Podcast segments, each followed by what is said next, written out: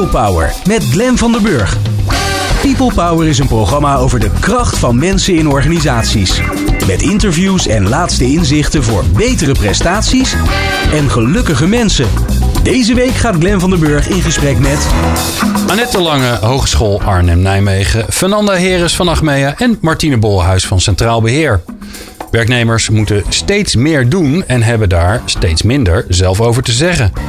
Dit vertaalt zich in een stijging van de burn-out klachten bij werknemers. Volgens TNO-onderzoek heeft 1 op de 6 medewerkers deze klachten. Aan de andere kant laten onderzoeken zien dat vitale medewerkers loyaler en creatiever zijn, beter presteren en slimmer werken in vergelijking met hun niet-vitale collega's. Het is dus zaak voor organisaties om medewerkers duurzaam inzetbaar te houden. Hoe doe je dat? Wat is duurzame inzetbaarheid eigenlijk? En vooral, wat doe je als het toch misgaat? Daarover ga ik in gesprek met Martine Bolhuis, business partner duurzame inzetbaarheid van Centraal Beheer, Fernanda Heres, verzuimmanager bij Achmea en Annette Lange, lector HRM en hoogleraar succesvol ouder worden op het werk aan de Open Universiteit. Fijn dat je luistert naar People Power. Dit is Nieuw Business Radio. People Power met Glenn van der Burg. Ja, ik ben ondertussen ongelooflijk aan multitasken. Want ik moet ook nog zorgen dat Fernanda in de uitzending is. En dat hebben we volgens mij voor elkaar gekregen. Fernanda, kan je ons horen? Ik kan jullie heel goed horen. Ja, heel goed. Ja, we hebben een heel leuk online platform. Maar ik zie dat dat volgens mij niet helemaal goed gaat. Dus we doen het nee. gewoon oldschool via de telefoon. En dan heb ik ook nog een oldschool telefoon. Ik heb een oude Nokia. Die werkt als een tierenlier. Oh, heel goed. Ja, maar die batterijen doen het heel goed. Hè? Dus dat is geen enkel probleem. Nee, dat klopt. Uh, Martine? Onwijs leuk dat je er weer bent. Ja, leuk om hier te zijn. Ja, Dankjewel. Voor de eerste keer in het nieuwe jaar. We hebben, ja, ik was het alweer bijna vergeten, maar het is ondertussen alweer 2021. En voor de eerste keer dat wij elkaar zagen, dus wij mochten elkaar nog een gelukkig nieuwjaar wensen. Um, ja, een belangrijk onderwerp. Uh, werk en inkomen het behouden daarvan, maar zeker ook uh, zorgen dat als, het, als er wat misgaat, dat we het, uh, dat we het op gaan lossen. Nou, dat, uh, daar gaan we het vandaag over hebben.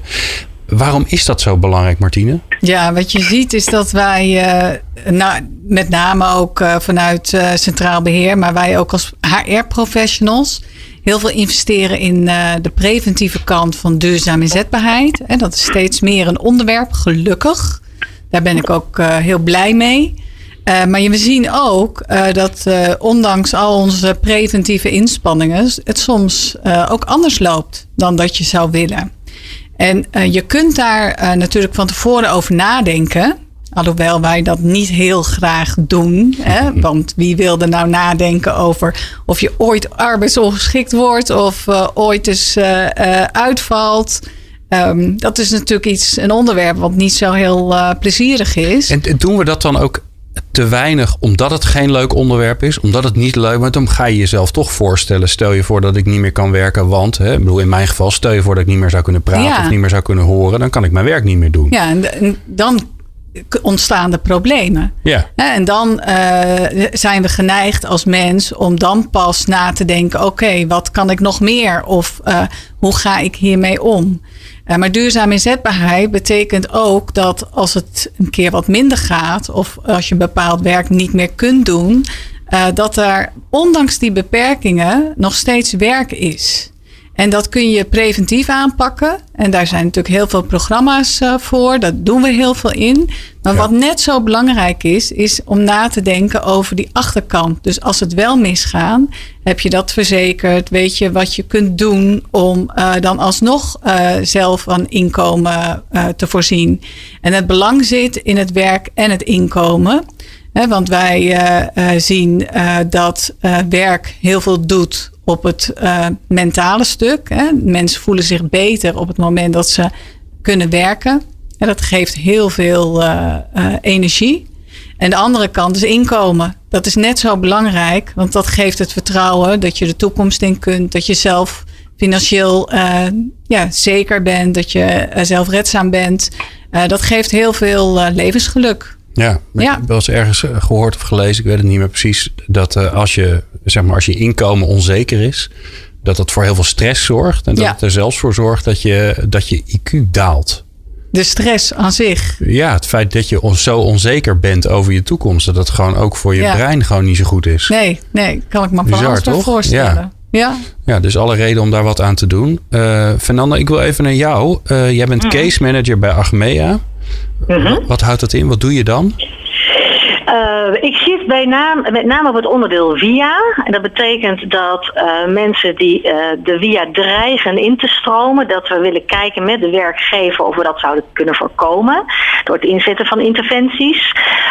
Als dat niet kan en iemand stroomt uiteindelijk de via in, dan willen we ook kijken of we dat eventueel toch nog kunnen beïnvloeden. Uh, met andere woorden, kan iemand ook op een gegeven moment uitstromen, kan herstellen of kan uh, door middel van een interventie uh, toch weer gedeeltelijk aan het werk komen. En daarmee ook die verblijfsduur in de via te beïnvloeden. Ja. Waarom, waarom ben je dat werk gaan doen? Wat, wat vind je er leuk aan? Nou, ik, ik, ik, het is werk wat me altijd raakt. En dat heeft te maken ook met mijn eigen achtergrond. Uh, hoe ik hierin ben gerold, dat heeft te maken met dat ik uh, jaren geleden um, zelf uh, arbeidsongeschikt ben geworden. Als gevolg van een ernstig verkeersongeval. Destijds, en toen, het is al zo lang geleden dat ik het kan hebben over uh, de WHO-periode. En het is dus inmiddels meer dan twintig jaar geleden. Maar destijds hadden we nog maar één jaar wachttijd. Dus ik had één jaar de tijd om te herstellen van behoorlijk zwaar letsel. Dat lukte gewoon per definitie niet. Want alleen al de verblijfsduur in het ziekenhuis, in het revalidatiecentrum, was bij elkaar al meer dan een jaar. En ik heb toen de tijd heel erg moeten knokken voor weer aan het werk te komen. En dat heeft me verbaasd, want ik had iets van, ja, ik wil wel, uh, mijn hoofd werkt mee, uh, lichamelijk ben ik ook wel weer aardig op de rit, maar dat was heel erg lastig. Er was geen wetten die ik achter de hand had, die later wel kwam, die mij daarheen heeft kunnen helpen. Nou, vervolgens kwam de wet verbetering poortwachter en uh, destijds werkte ik bij een, een, een, een zorgverzekeringsmaatschappij en zij zochten eigenlijk mensen om het eigen personeel weer te laten reintegreren met behulp van die nieuwe wet. Wat allemaal nieuw was, waar, nog in gepioneerd moest worden. En door mijn eigen achtergrond hebben ze gedacht, ja goed, je bent wel iemand met ervaring, je weet hoe het is om arbeidsongeschikt te zijn. Um, nou, heb ik de functie van reintegratieadviseur gekregen. En ik denk dat wat ik meebracht, en dat is eigenlijk iets wat ik af en toe nog wel eens herhaal. Mm-hmm. Wat ik het mooie vind aan de wetverbetering Poortwachter is dat je het recht hebt als werknemer om te reïntegreren. Dan moet je daar wel heel veel voor doen. Dan moet je wel uh, in gefaciliteerd worden. En moet je denk ik in geholpen worden soms door een werkgever. Maar dat recht is er wel. Wat in de tijd toen ik nog in de WHO zat er niet was. En um, ik moet ook wel zeggen dat uh, de wetverbetering Poortwachter uh, in den beginnen daar ook wel heel veel handen en voet aan heeft gegeven. En dat zeg maar inmiddels uh, de regievoering wel heel erg extreem bij de werkgever is komen te liggen. Maar neemt niet weg dat ik er nog steeds in geloof dat je dat als werknemer ook moet oppakken en moet doen om nou ja, datgene wat je nog kan ook te gaan benutten. Ja, nou, het komende uur, uh, ondertussen iets minder, te, uh, kunnen we uitgebreid gebruik maken mm. van jouw kennis. Uh, maar om even een, een beeld te geven, yeah. want we zijn eigenlijk begonnen bij duurzame inzetbaarheid. En Martino mm -hmm. iets over verteld. Maar we hebben Annette de Lange, zij is hoogleraar succesvol ouder worden op het werk, aan de Open Universiteit ook gevraagd van ja, dat duurzame inzetbaarheid is zo'n enorm begrip. Wat is dat yeah. nou eigenlijk? Dus laten we even naar haar gaan luisteren. Ja. Annette, wat is duurzame inzetbaarheid eigenlijk? Nou, duurzame inzetbaarheid is een containerbegrip, uh, Glenn. Dus het verwijst naar heel veel dingen. Maar ik probeer het altijd simpel te vertalen voor de luisteraar. Aan de ene kant gaat het over de werkende. Dat kan een ZZP'er zijn, iemand in loondienst. En aan de andere kant heeft hij of zij werk. En als daar een aansluiting tussen zit, qua vitaliteit, gezondheid, maar ook kunnen en kennis, dan is er sprake van duurzame inzetbaarheid. En dat betekent dat er zowel een rol is voor de werkende, maar ook voor de werkomgeving, dus de werkgever. Om te kijken van hoe kun je die fit tussen de persoon, de talenten die iemand heeft, de mogelijkheden die iemand heeft en het werk uh, uh, zo goed mogelijk te maken. Oké, en als die fit er dan is, wat gebeurt er dan?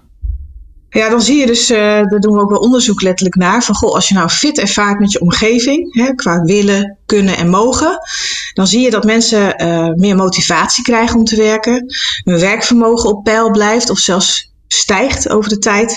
En dat je ook vitaliteit en employability houdt. Dat zijn eigenlijk de belangrijkste indicatoren om duurzame zetbaarheid voor werkenden te meten. En dat hangt dus samen met die fit met een werkomgeving. En, en waarom is dit nou een belangrijk onderwerp? Waarom is het een uh, belangrijk onderwerp? Omdat we in een ingewikkelde tijd leven. Hè? Dan heb ik het nog niet over COVID-19, maar wel over allerlei uh, dynamiek op de arbeidsmarkt. Dus we hebben te maken met vergrijzing, ontgroening, digitalisering, technologische innovatie die heel snel gaat, disruptieve innovaties. Nou heb je nog heel even allerlei ontwikkelingen. En dat zorgt ervoor dat de werkende eigenlijk niet meer een leven lang bij één werkgever kan blijven. Hè, dat zou veel makkelijker zijn. Dan heb je een arbeidsrelatie waarin je elkaar kent en waar je bij spreken afstemming met elkaar continu kan hebben. Maar nu is er eigenlijk veel meer zelforganiserend vermogen nodig van zowel de werkende en misschien ook wel vanuit de werkgever. Om continu op maat te kijken van met wie heb ik nu te maken, hoe ziet het werk eruit en hoe verandert het werk. En eigenlijk is de dialoog dus uh, tussen zowel de werkende als de werkomgeving continu opnieuw nodig. Ja, en als, en als dat niet goed gaat, wat gebeurt er dan? Nou, in het begin nog niet altijd uh, meteen uh, veel ellende hoor. Gelukkig zie je veerkracht, zowel bij de werkende als de werkomgeving. Dus uh, het kan zijn dat iemand gewoon minder gemotiveerd is in het begin of meer behoefte heeft aan herstel. Maar zeker als het heel lang zo gaat, dat die dialoog niet goed gaat en men meer stress gaat ervaren en langdurige stress, ja, dan zie je dat het herstelvermogen van mensen afneemt, maar ook de werkomgeving. En er veel meer problemen ontstaan. En duurzame inzetbaarheid gewoon niet zo goed meer mogelijk is. Dus denk aan uitval, ziekteverzuim en het ergste geval arbeidsongeschiktheid. Nou ja, helder verhaal van net. Martine, als we nou. We gaan zo naar, die, naar, die, naar dat moment als het niet, meer, als het niet lukt. Hè? Als het gewoon misgaat. Want er gaan, ja, het is de, helaas het leven. Er gaan dingen mis in het leven. Ook al doe je nog zo je best om dingen te voorkomen. Um, uh, die preventiekant. Hè? We hebben daar wel al een aantal programma's over gemaakt. Maar neem ons even mee. Wat, wat houdt dat in? Die Ja. preventiekant. Ja, die preventiekant gaat eigenlijk over um, het behoud van werk. Hè? Dus dat je in staat bent om zelf werk te verkrijgen en te behouden. En um, wij maken een uh, onderscheid in vier uh, kwadranten. En dan heb je aandacht op uh, loopbaan en mobiliteit, op werk- en privébalans, op leren en ontwikkelen en gezondheid en vitaliteit. Nou, de preventiekant gaat over het, um, nou, het, eigenlijk het motiveren om op die vier kwadranten te werken. En voor de een is het belangrijk om heel erg aan die werk- en privébalans te werken. Er werd net uh, stress genoemd. Jij noemde dat ook al in die inleiding. Dat is een heel belangrijk element op dit moment. Mensen ervaren meer stress dan voorheen. Het is in ieder geval meer voelbaar en zichtbaar. Um, ja, dat is het moment om daaraan te werken. En dat heeft te maken met ook hè, persoonskenmerken. Uh, dus dan zou je kunnen zeggen van belangrijk dat medewerkers daar zelf aan werken. Dus dat ze zelf met een persoon aan de slag kan, kunnen. Hoe kan ik mijn veerkracht op stress uh, vergroten? Maar als werkgever kun je daar ook het een en ander in doen. Je kunt er ruimte voor maken. Daar kun je ruimte voor maken om te faciliteren, om uh, tools aan te reiken, maar ook om programma's daarop aan te reiken. Maar ook om puur het gesprek aan te gaan. Annette noemde het net weer, hè, de dialoog. Uh, nou, dat blijven we natuurlijk noemen. Want het gaat erover van snap jij uh, waar die medewerker mee zit? Weet jij waar, wat de medewerker bezighoudt? Hè, waarom die stress ontstaat? Mm-hmm. En we hadden het net over uh, financiële zelfstandigheid. op het moment dat iemand financieel niet lekker zit, heeft dat impact op uh, de manier waarop die in zijn vel zit op zijn werk. En uh, of iemand uh, productief kan zijn. Dus dat zijn belangrijke elementen om daaraan te werken. En die, die preventieve kant is eigenlijk een basisvoorwaarde voor ieder bedrijf, voor iedere werkgever. Om met medewerkers aan de slag te gaan. Heeft nu effect op de, nou, de motivatie, op de bevlogenheid en op de productiviteit. maar ook voor later. Dus op het moment dat het anders gaat, heb je daar echt baat bij. Ja. Ja. Nou, dat is een ongelooflijk belangrijk onderwerp. Ja. Daar hebben we ook best wel wat afleveringen al over gemaakt.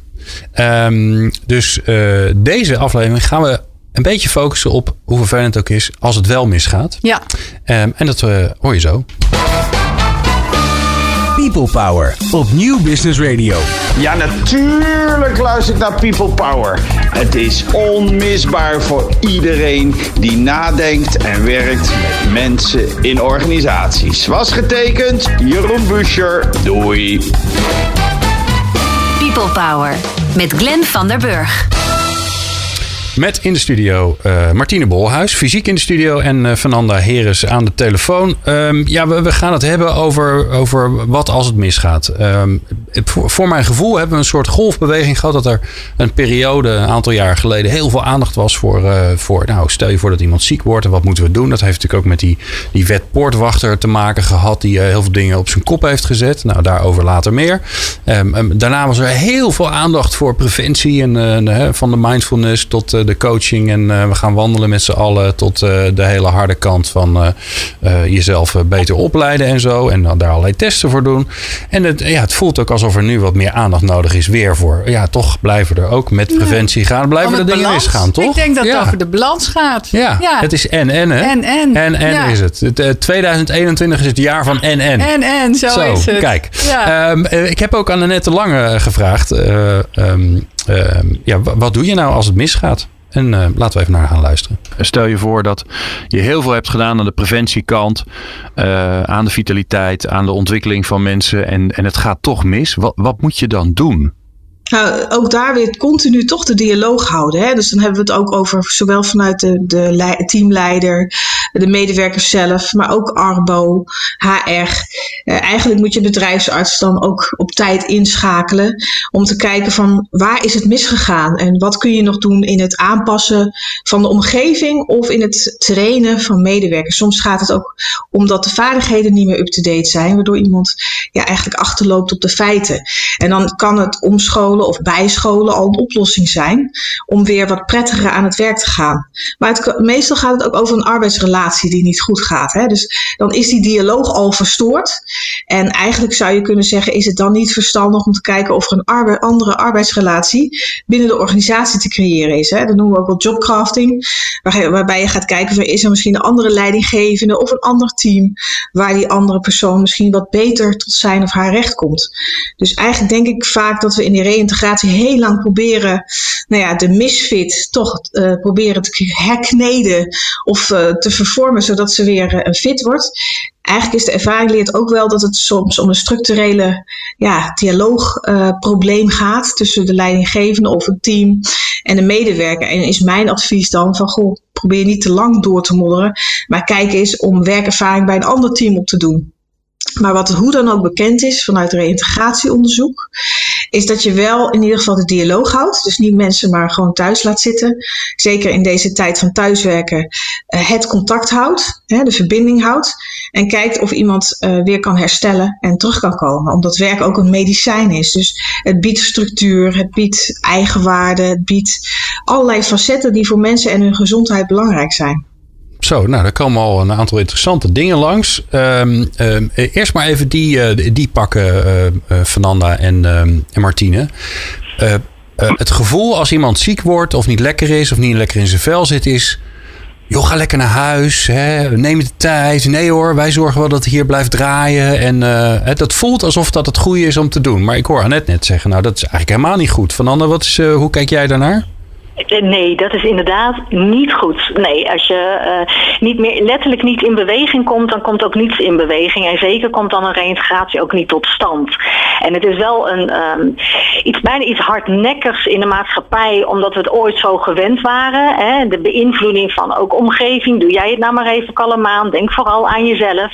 Ja, dat is een beetje het zachte heelmeestersverhaal. Want het is toch wel gebleken dat op het moment dat jij uh, in beweging komt en uh, letterlijk ook, hè, gewoon blijven bewegen, dat dat belangrijk is om tot reïntegratie ook te komen. En um, dat uh, de regie daarover, die je ook zelf hebt, dat je die ook moet gaan bieden. Dat iemand ook daarin mee kan praten. Kijk, gelukkig heeft de wetverbetering Poortwachten ook instrumenten in zich, waardoor je er ook niet meer aan ontkomt om dat gesprek en die, hè, de dialoog met elkaar aan te gaan. En die dialoog moet je met elkaar aangaan, maar daar moet je ook afspraken over maken. En die moet je ook durven maken. Ja, dus maar bij, is... Fernanda, maar bij poortwachter duurt het natuurlijk een tijdje. Hè? Dat is niet zo dat je als je twee dagen ziek bent, dat je, dat je, dan, al, dat je dan al aan de bak moet. Dat, is, is toch een soort... Nee, dat niet. Maar dat is wel, dat is het- eigenlijk die stap die daarvoor zit, is eh, weten wat er met iemand speelt. Dus op het moment dat het dreigt, op het moment dat het dreigt mis te gaan, dat is eigenlijk al bij het eerste belletje van ik, nou ja, ik meld muziek als het ware. Dat je dan eigenlijk ook op voor, dat je daar ook op voorbereid kan zijn. En dat je dan wel direct ook daarover de dialoog met elkaar aan kan gaan. Ja, en moet je, daar, moet je daar als leidinggevende een soort van ehm, eh, iets jezelf aanleren? Hè? Want die, die neiging om Mhm. te zeggen: Oh ja, tuurlijk joh, nee, neem je tijd. En eh goh, je hebt ook zo Mhm. hard gewerkt. Dat moet je dus niet doen. Dus wat, Nee. wat is de andere kant? Hè? Wat, wat, wat, wat werkt altijd als dat belletje komt? Lekker praktisch. Ja, heel praktisch is, wat kan jij dan wel? En die, Ah. dat wordt altijd als heel zakelijk ervaren. Van oeh, en bijna hè, een over, de, vraag waarmee je iemand kan overvallen. Maar als je dat op voorhand ook met elkaar afspreekt, op het moment dat het zich aandient, maken we die afspraak met elkaar om te kijken wat je wel kan. Dat je feitelijk al weet dat op het moment dat ik muziek meld, moet ik dat al in mijn hoofd hebben zitten. Om daar al, hè, daar moet ik als medewerker ook al over na hebben gedacht. Ja, ja dus, eh, dus eigenlijk standaard als iemand belt en zegt: Joh, ja, sorry, ik kom vandaag niet, ik voel me niet lekker. Dan zeg je eerst: Goh, wat vervelend voor je, dat is wel vriendelijk. En daarna zeg je: Wat kan je wel? Ja. Dat is dan ja. de vraag.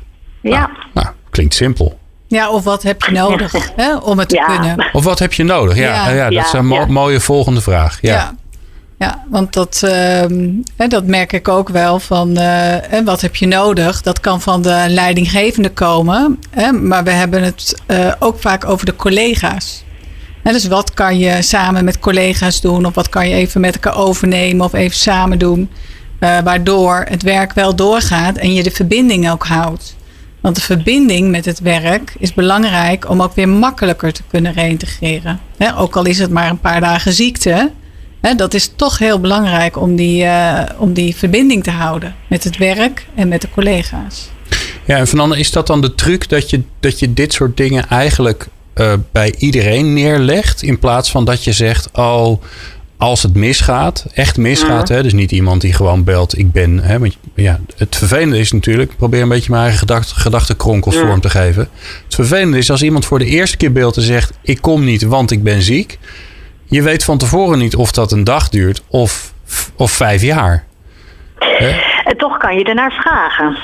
Sterker, daar Oh. moet je ook eigenlijk naar vragen. Dit zijn allemaal dingen, dat heeft ook een beetje met de regie te maken die je dan op dat moment toch bij die medewerker neerlegt op voorhand om daarover na te denken. Je mag vragen, hoe lang denk jij dat dit duurt? Ja. Die inschatting. Dat is, ja, Ja, goed, je, mag niet, je mag niet vragen wat heb je. Dat is, dat is Nee, dat is lastig. Nee, dat klopt. En dat is soms ook, ja, ik zeg lastig, dat zeg ik eigenlijk iets te snel. Dat is ook niet nodig. Nee, Nee, feitelijk hoef je het ook niet te weten. Nee. nee.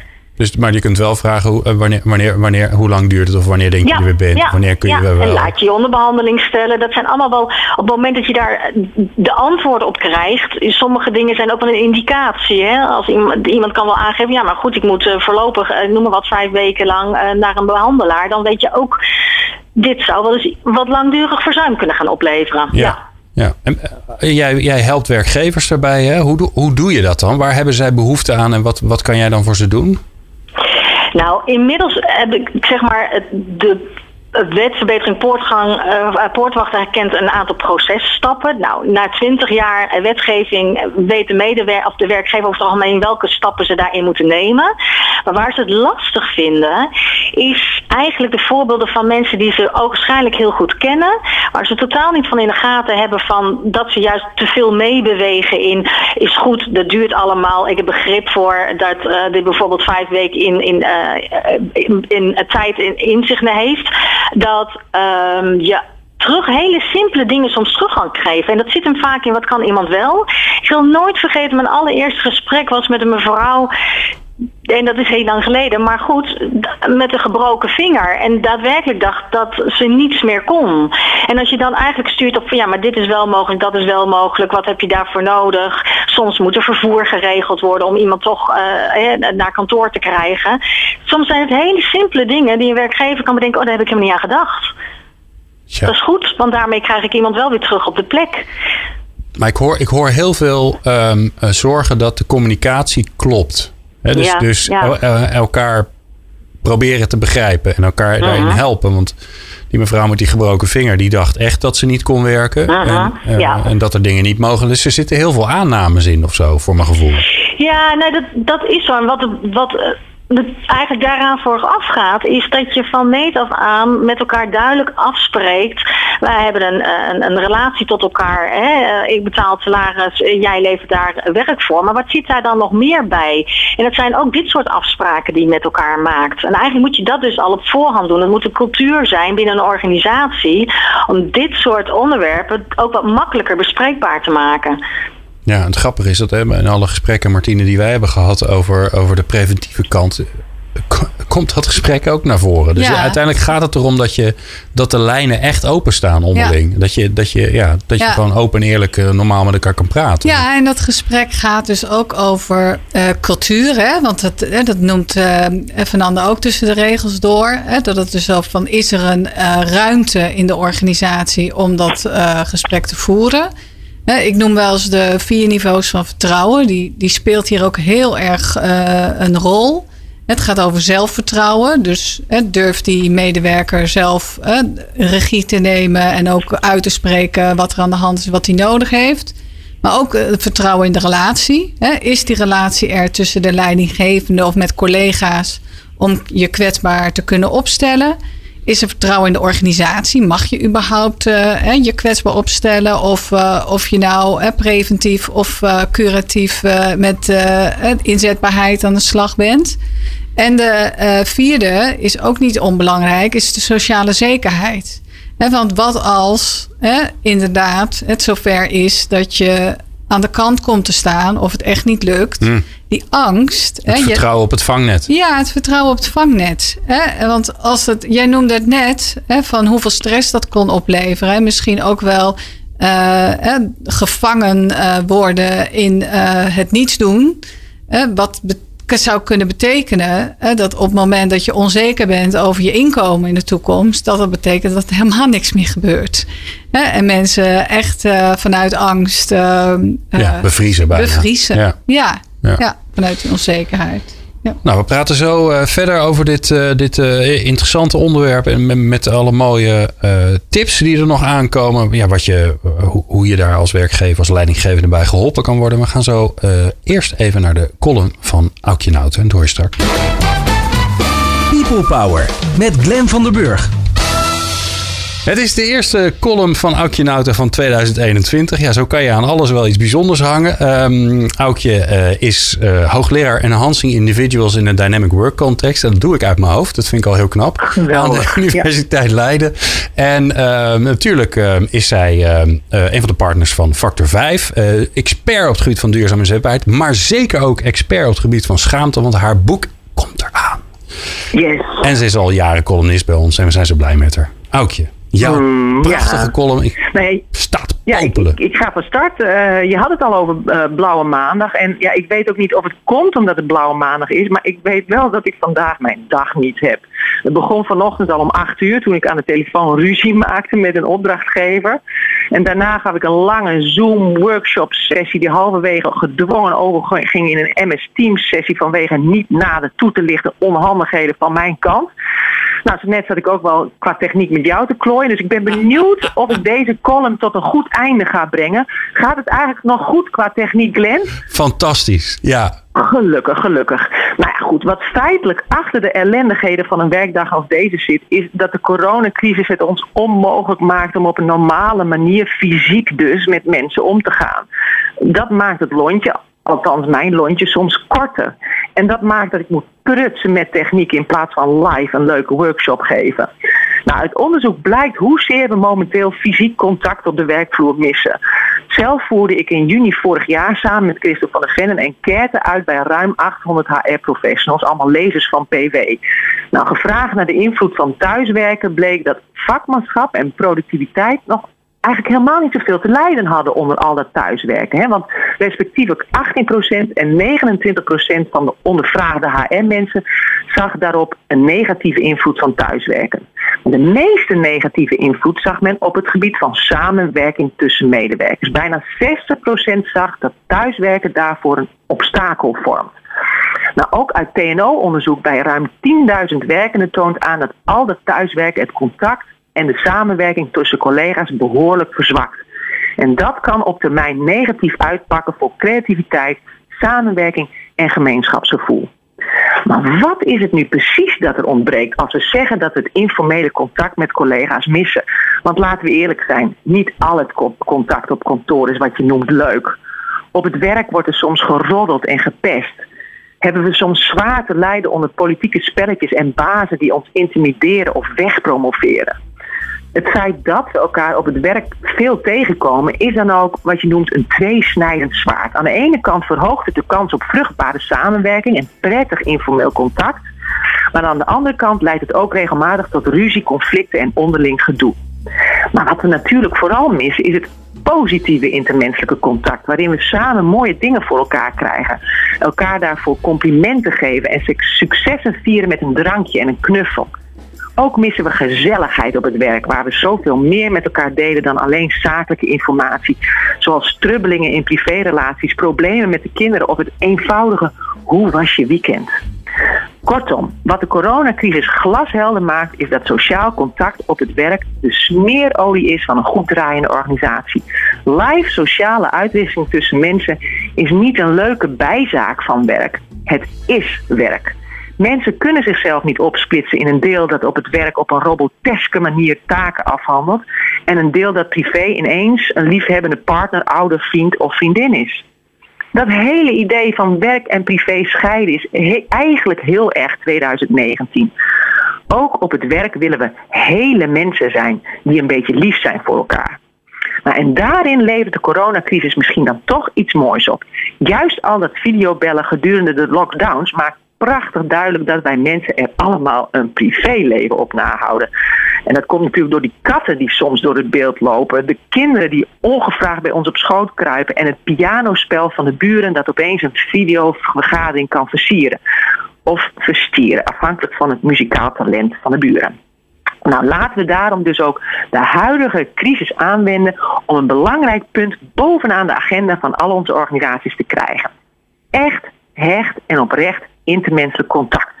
Nu is het tijd om videoconferenties te wijden aan hoe het intermenselijk contact in je eigen werkteam er idealiter uitziet. Wat vinden teamgenoten nu zo fijn en vruchtbaar aan elkaar dagelijks zien? Wat was daaraan eigenlijk helemaal niet zo oké? Welke voordelen verwacht je van samen in één kantoorruimte met elkaar werken? Is dat de onderlinge hulp die je biedt, de feedback die je elkaar geeft, de wilde ideeën die makkelijker oppoppen als je bij elkaar als je elkaar bij de koffieautomaat spreekt. Of de discipline die je beter kunt opbrengen als mensen om je heen ook hard zitten te werken. Hoe intiem zou je met elkaar willen omgaan? Wat wil je wel en niet van elkaar weten? Hoe wil je schaamtes en tekortkomingen bespreekbaar kunnen maken? En hoe om te gaan met spanningen en conflict? Wanneer en voor wie gaat een bepaalde intimiteit voelen als inbruik op je privacy of zelfs als intimidatie? Nou ja, via indringende vragen als deze kunnen teamgenoten elkaar uitdagen om alles te zeggen wat ze op hun lever hebben als het gaat om hoe ze met elkaar willen omgaan. Zodat intermenselijk contact de erkenning, waardering en diepgang krijgt die het verdient. En je met z'n allen kan komen tot wat ik noem, dat is niet zo'n mooi woord hoor, maar een metacontactcontract. Oftewel een teamovereenkomst waarin je met z'n allen de principes losjes vastlegt die voortaan uitgangspunt zijn van een open en liefdevol teamklimaat. Een meta-contactcontract. Oké, ja. We gaan nog even een prijsvraag uitschrijven voor, voor, een leukere naam. Um, Dankjewel, Aukje, voor eh, de eerste column voor 2021. En daar volgen er natuurlijk ongelooflijk veel meer. Wil je nou meer columns luisteren van Aukje? Dan kan dat. Dan ga je naar onze website. Dan vind je al onze columnisten. En we hebben alle columnisten weer netjes op een rijtje gezet. Dus als je alleen maar Aukje wil luisteren, dan kan dat ook. Tot snel, Aukje. Tot gauw, dag dag. People Power met Glen van der Burg. Met in de studio Martine Bolhuis en uh, aan de telefoon Fernanda uh, Heres van Achmea. Martine van Centraal Beheer. Dat is wel grappig. Het, het lijkt als, want het, zijn, het is natuurlijk één club, maar ook weer niet. Maar daar hoef ik niet over te hebben. Nee, nee zonde van de tijd. Nee. Zonde van de zonde tijd. Van de tijd. Ja. Uh, Martine, nog even uh, het linkje naar de column van Aukje. Die eigenlijk zei, ja, wat doet er eigenlijk deze coronaperiode met ons? Dat velen van ons thuis aan het werk zijn en dus collega's missen. Nou, best wel veel. Ik zou zeggen, alarmbellen, leidinggevende, let op. zorg goed voor je mensen. Wat, wat moet die leidinggevende doen? Ja, dat zou je denken. Um, klopt. leidinggevenden hebben daar een rol in. Maar wat ik heel mooi vond aan die column, is dat het dus over die samenwerking gaat. En over collega's die met elkaar in gesprek zijn. Van wat vind ik nou belangrijk en hoe voeren we met elkaar het goede gesprek. En dat vergeten we wel eens, hè, dat uh, teams uh, heel goed met elkaar dat gesprek kunnen voeren. En dat daardoor mensen ook gaan groeien. Het groeit niet alleen in de samenwerking, dat is één, hè, dat je elkaar makkelijker weet te vinden. Maar je kunt elkaar ook laten groeien daardoor. Doordat je weet van, oh ja, als ik die even die eh, support geef, dan uh, gaat uh, ze vliegen. Als uh, ik weet dat iemand met een ontwikkelvraag zit, dan kan ik die daar even op supporten. Elkaar ook feedback feedforward vragen. Dat, ja, dat is echt van deze tijd. Ja, dus collega's, niet leidinggevende, let op. Collega's, let op. Ja, of Zorg beide. voor elkaar. Ja, ja. ja. mooi. Ja, ja, en mooi. En inderdaad, dat kan nu ook al. Hè, ook via Teams. Ja, of even bellen gewoon. Ja, of even bellen of wandelen. Kaartjes sturen. Daarin, oh, er wordt heel veel gewandeld er ook, wordt hè? heel ja. veel gewandeld, ja. ja. Ja. We gaan, uh, want we zitten uh, in blokje 4, zo heet het dan in mijn draaiboek. En dat betekent dat we naar de tips gaan, wat mij betreft. Als jullie dat ook goed vinden natuurlijk. Even meta communiceren met Fernanda en Martine. Um, ja, wat, wat, wat, kan je doen? Ja, dat is natuurlijk een beetje een lastige vraag, want het, ik snap dat het een hele complexe problematiek is. Um, maar stel je voor je bent werkgever of je bent leidinggevende. Wat voor tips zou jij mee willen geven, Fernanda, aan die, aan die, uh, aan die luisterende leidinggevende naar dit programma?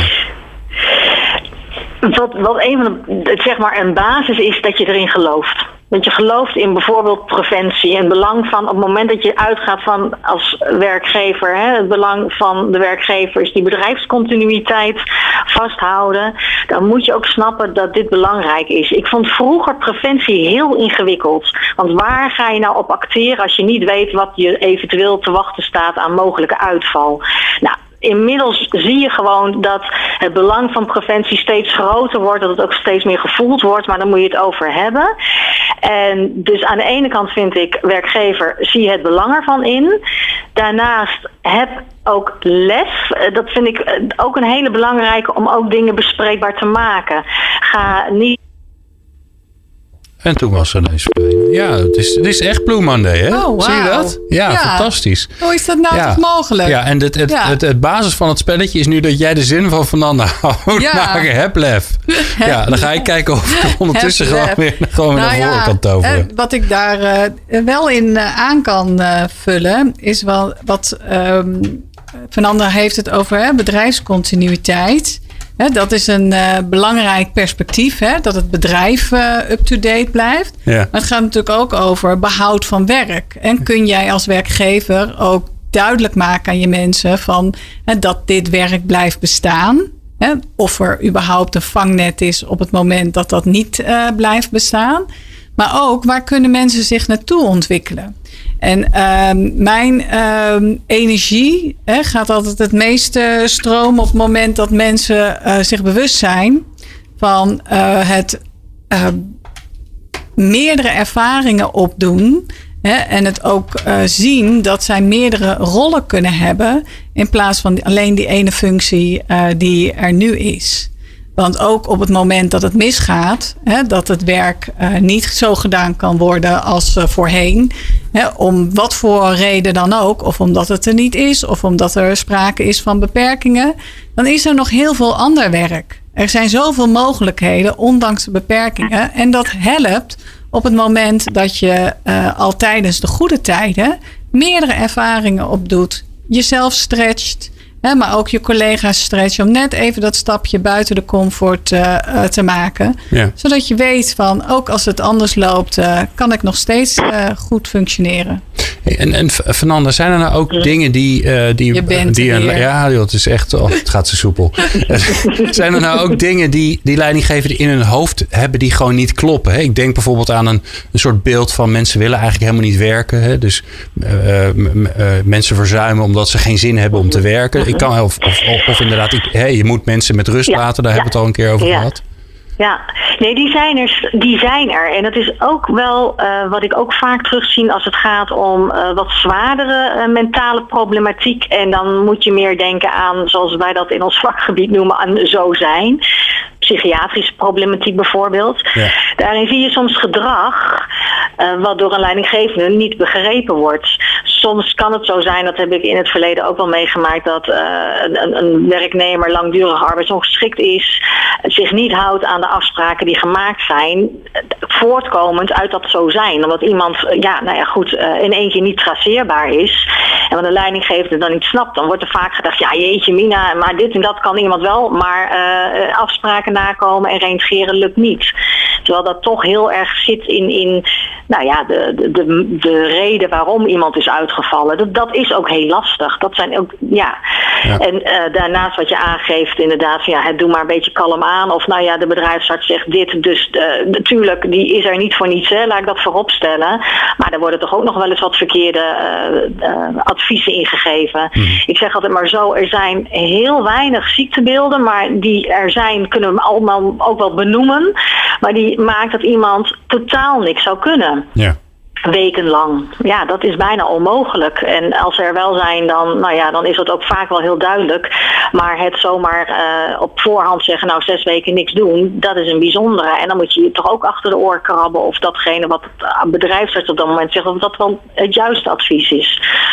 Ja, en een andere die een beetje boven de markt hangt, vind ik altijd, is uh, je mag het met medewerkers niet over hun gezondheid hebben. Mm -hmm. Dus je mag niet zeggen, goh, uh, welke ziekte heb je? Of uh, dat, dat, dat, dat, -hmm. dat is verboden bij de wet. Maar dat houdt mensen volgens mij ook tegen. Dus hoe kan je nou toch dat gesprek aangaan zonder dat je de wet overtreedt? Want dat willen we natuurlijk allemaal niet. Ja, dat zit hem toch op het niveau van wat iemand dan wel kan. Ook daar moet je overigens wel wat voorzichtig in zijn. Want dat, dat kun je toch ook weer heel gauw herleiden aan hè, het, dingen die je niet kan. Ja. Maar meer inzoomen op dat stukje van wat is dan wel mogelijk. En wat Martien in het begin ook aangeeft. Wat heb je daar dan voor nodig om dat te, te krijgen? Ja, dat mag je uitvragen. Kijk, en op het moment dat er daadwerkelijk sprake is van dat iemand iets niet kan. Daar zijn ook een bepaalde regels voor, zeg maar. En die toetsvraag kan je gewoon stellen aan bijvoorbeeld een bedrijfsarts. Zodat je dat ook zeker weet, zonder dat het ziektebeeld bekend is. Dat kan. Ja. En maar zo ik... met name in op wat je wel kan. Dat, ik denk dat dat de, de eerste vragen zijn. Ja, en nou kan ik me voorstellen dat de, de, de basics, hè, als iemand ziek is, wat je moet doen als leidinggevende, dat moet die leidinggevende natuurlijk kunnen. Maar op het moment dat het, mm. dat het echt misgaat, ja, dat, hopelijk, mm-hmm. hopelijk kom je dat heel weinig tegen. Um, wie, wie moet je dan vragen om je daarbij te helpen? Ja, ja, wat sowieso natuurlijk de verplichting is, die, is, is de armodienst, zeg maar, die je daarin kan ja. ondersteunen. Maar er zijn diverse partijen, er zijn ook case management bureaus die daarin kunnen begeleiden. Het is toch heel erg lastig, want dan zou een leidinggevende daadwerkelijk het schaap met de vijf poten moeten zijn. En dat, dat is niet zo. Nee. Dus daar waar je het gevoel hebt kennis tekort te komen, moet je dat eigenlijk inkopen. Ja. Ja, en daar moet je dus ook niet voor schamen. Het is ook niet raar dat je nee, alles zelf Nee, zeker niet. Nee, want nee. Het, is, het is heel ingewikkeld. Ja. Ja. ja, maar dat is wel iets om nu over na te denken. Ja. ja. Daar begonnen we natuurlijk het gesprek mee. Van, uh, dat het helemaal niet een leuk onderwerp is. En, uh, maar denk daar wel over na. Van hoe ga, heb je het geregeld voor je medewerkers? Dat is ook een onderdeel van goed werkgeverschap. Ja. Ik dank jullie beiden zeer.